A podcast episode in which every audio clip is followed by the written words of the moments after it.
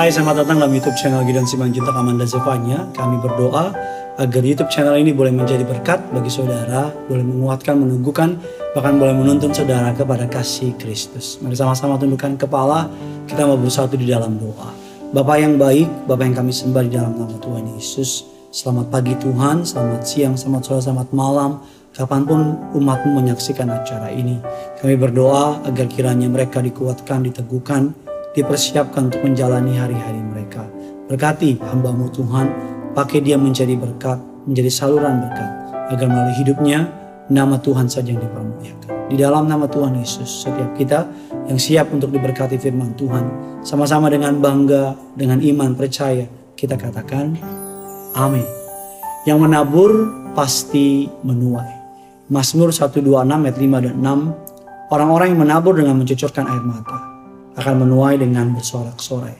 Orang yang berjalan maju dengan menangis sambil menabur benih pasti akan pulang dengan sorak-sorai sambil membawa berkas-berkasnya. Kejadian 8 ayat yang ke-22, selama bumi masih ada, tak akan berhenti-henti musim menabur dan menuai. Menabur dan menuai adalah salah satu ciri dari iman Kristen. Orang yang sudah memiliki iman pasti tahu bahwa mereka harus menabur untuk menuai. Dikatakan bahwa kekristenan yang masih berfokus kepada meminta dan menerima termasuk dalam sebuah iman pemula atau iman yang masih sangat dasar. Memang menabur atau melepaskan atau menghamburkan menurut Kamus Besar Bahasa Indonesia adalah suatu pekerjaan yang bertentangan dengan filosofi dunia. Dunia mengajarkan untuk menyimpan, Dunia mengajarkan untuk hemat sedemikian rupa. Bahkan ada pepatah yang mengatakan hemat tangkal kaya. Apalagi pelit pasti kayanya luar biasa. Tetapi prinsip kerajaan surga mengajarkan kita semakin banyak kita menabur, semakin banyak juga kita akan menuai. Matius 7 ayat 1 dan 2. Kunci menuai ialah menabur. Banyak orang dengan bangganya berkata, saya akan pasti menuai, menuai, menuai, menuai. Kalau tidak ada yang ditabur, apa yang mau dituai? Sehari-hari ini saya bersama dengan rekan-rekan mengerjakan YouTube channel ini karena kami mau menabur. Kami tahu betul apa yang kami tabur adalah pekerjaan bagi nama Tuhan dan kekal adanya. Gak akan sia-sia. Kalau mau jujur, capek. Kalau mau jujur, mungkin ada waktunya bosen, ada kesibukan yang lain. Tapi ini udah menjadi sebuah komitmen bagi setiap kami di tempat ini, tim GA Studio, untuk melakukan untuk hormat kemuliaan bagi nama Tuhan.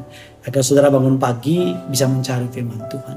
Kalau melihat firman Allah di atas menjelaskan bahwa kita melihat Matius 13 ayat ke-23 yang ditabur di tanah yang baik itu ialah orang yang mendengar firman itu mengerti dan karena itu ia berbuah ada yang 100 kali lipat ada yang 60 kali lipat ada yang 30 kali lipat firman Allah di atas menjelaskan bahwa orang yang menabur benih pasti akan menuai. Dan hasilnya bervariasi dalam hal jumlah penuaiannya. Kalau dalam prinsip uh, ekonomi ada rahasianya saudara. Dikatakan bahwa dalam firman Allah dikatakan bahwa firman Allah ada yang 30 kali, ada yang 60 kali, ada yang 100 kali. Menurut prinsip ekonomi atau ROI, Return on Investment, satu kali itu 100 persen, 30 kali itu 3000 persen, 60 kali itu 6000 persen. Sedangkan 100 kali itu adalah 10.000 kali persen. Saudara, sangat luar biasa bukan? Taburan kita dapat menghasilkan 10.000 kali dari apa yang kita tabur. Bukan berarti kita mengajak atau saya mengajak saudara seperti rentenir yang memberi, menabur dengan harapan dibungakannya sampai 100 atau 30 persen dan seterusnya. Tetapi maksud saya adalah saudara menabur di tanah yang paling subur, di mana ekonomi tidak mengalami guncangan, di mana kerajaan surga tidak terpengaruh dengan apa yang terjadi di muka bumi. Nah, hari ini kita akan belajar mengapa kita sudah menabur tapi belum menuai. Mengapa taburan kita belum kita rasakan tuayannya. Galatia 6 ayat yang ke-9 mengatakan demikian. Janganlah kita jemu-jemu berbuat baik. Karena apabila sudah datang waktunya, kita akan menuai jika kita tidak menjadi lemah. Mungkin saudara udah bertahun-tahun dan beberapa waktu berbuat baik atau melakukan yang baik. Tapi saudara menantikan tuayannya dan belum datang-datang juga. Kita mengatakan janganlah jemu-jemu berbuat baik. Karena apabila sudah datang waktunya, kita akan menuai jikalau kita tidak menjadi lemah. Mengapa kita belum menuai? Yang pertama dikatakan belum waktunya. Ayat tersebut yang kita baca tadi mengajarkan kita bahwa apabila sudah datang waktunya, kita pasti menuai. Kita belum menuai karena belum datang waktunya. Kuriosnya Allah belum ada. Sama halnya petani yang menanam padi, kalau belum datang waktunya, maka dia nggak akan panen. Tetapi ketika waktunya sudah datang, maka hasilnya akan memuaskan. Kalau padi yang belum waktunya dipanen, dipaksakan, pasti hasilnya kurang memuaskan. Yang kedua, mengapa saya menabur tapi belum juga menuai? Ketika saya tidak menjadi lemah. Ketika saudara tidak menjadi lemah, maka saudara pasti akan menuai. Kalau saudara tidak berhenti, keep doing the right things. Tetap lakukan yang baik. Sebuah batu kalau ditetesin air, pelan tapi pasti akan bolong juga. Lemah ialah sifat yang menunjukkan inkonsistensi. Lemah adalah sebuah sikap yang gampang menyerah dalam hal ini, Tuhan mau saudara memiliki sebuah sifat yang persistensi, kontinuitas, terus menerus dalam hal menabur, dalam hal memberkati orang lain, dalam hal menjadi berkat. Terkadang Tuhan harus membiarkan kita menunggu waktu dan caranya Tuhan. Saudara, Tuhan ingin melihat kesetiaan saudara. Tuhan ingin melihat kesungguhan saudara. Apakah kita benar-benar tulus menolong orang lain? Apakah kita benar-benar tulus menjadi berkat buat orang lain? Terus tabur yang baik, terus lakukan yang baik, agar ketika waktumu tiba, kau akan melihat, kau akan menuai tuayan yang indah. Mahkota kemuliaan disediakan bagi saudara dan saya mengasihi dia. Mengapa saya sudah menabur tapi saya belum menuai? Yang ketiga, karena adanya pencuri. Yohanes 10 ayat yang ke-10a mengatakan pencuri datang untuk mencuri Iblis mencuri berkat kita. Jika kita membaca dalam Maliaki 3, 8 dan 10, kita menipu Allah dengan cara yang bagaimana? Yaitu dengan persembahan persepuluhan. Tahukah saudara, jikalau kita mengembalikan persembahan persepuluhan. Ada banyak orang mengatakan bahwa persembahan persepuluhan itu tidak perlu dilakukan dan sebagainya.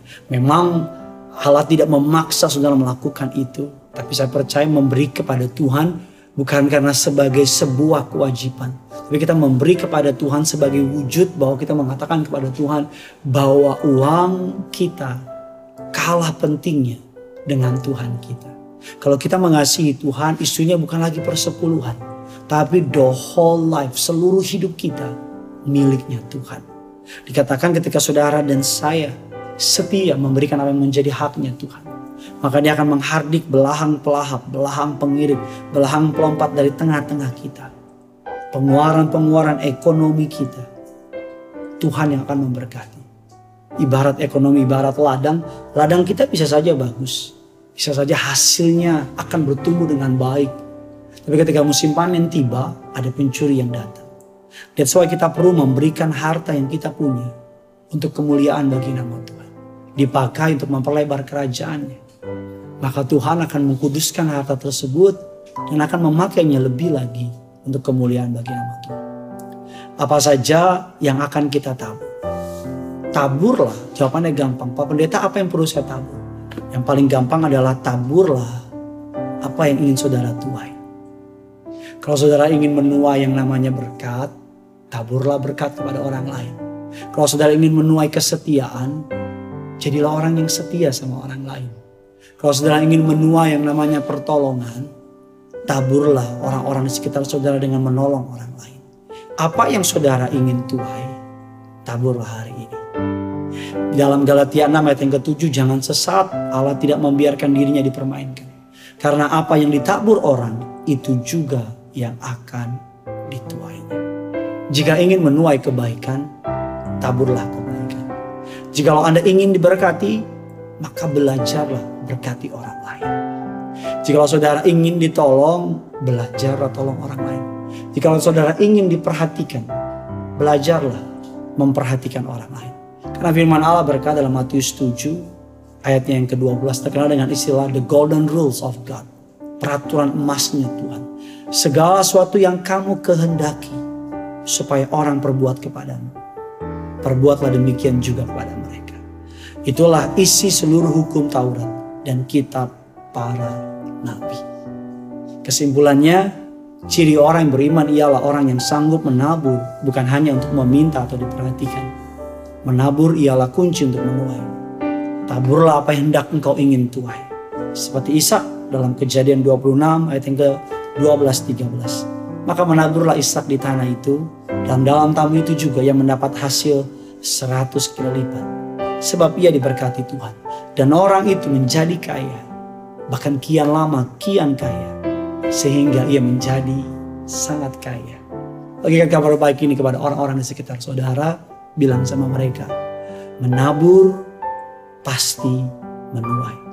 Tolong tulis kolom komentar di bawah apa yang saudara harap untuk saudara tuai. Jangan lupa like, jangan lupa subscribe, karena punya surga, crazy in love with you. Sama-sama kita datang sama Tuhan. Haleluya Tuhan.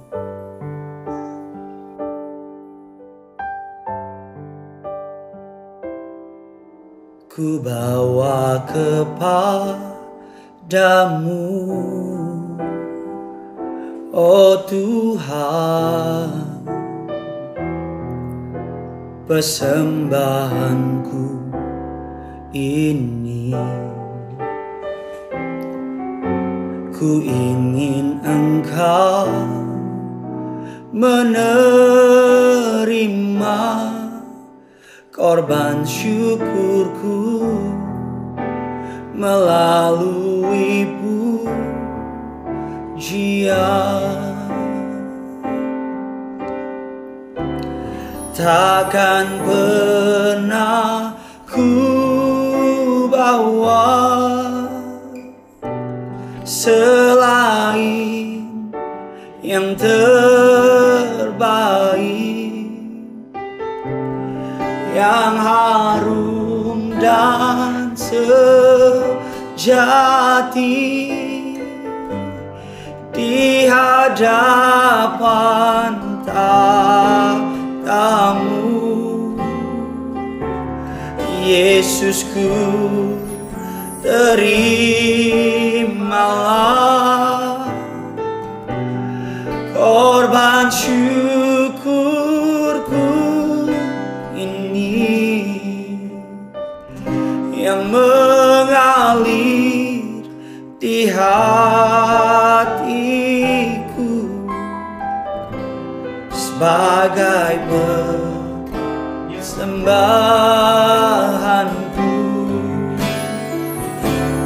takkan pernah ku bawa selain yang terbaik. Selain yang terbaik.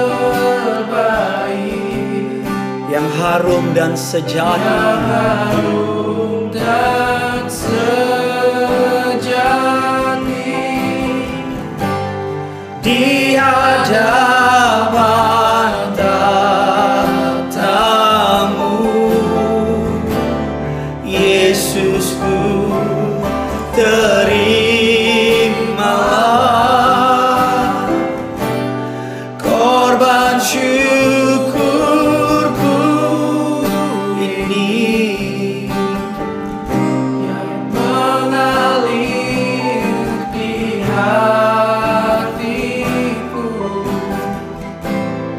sebagai penyembah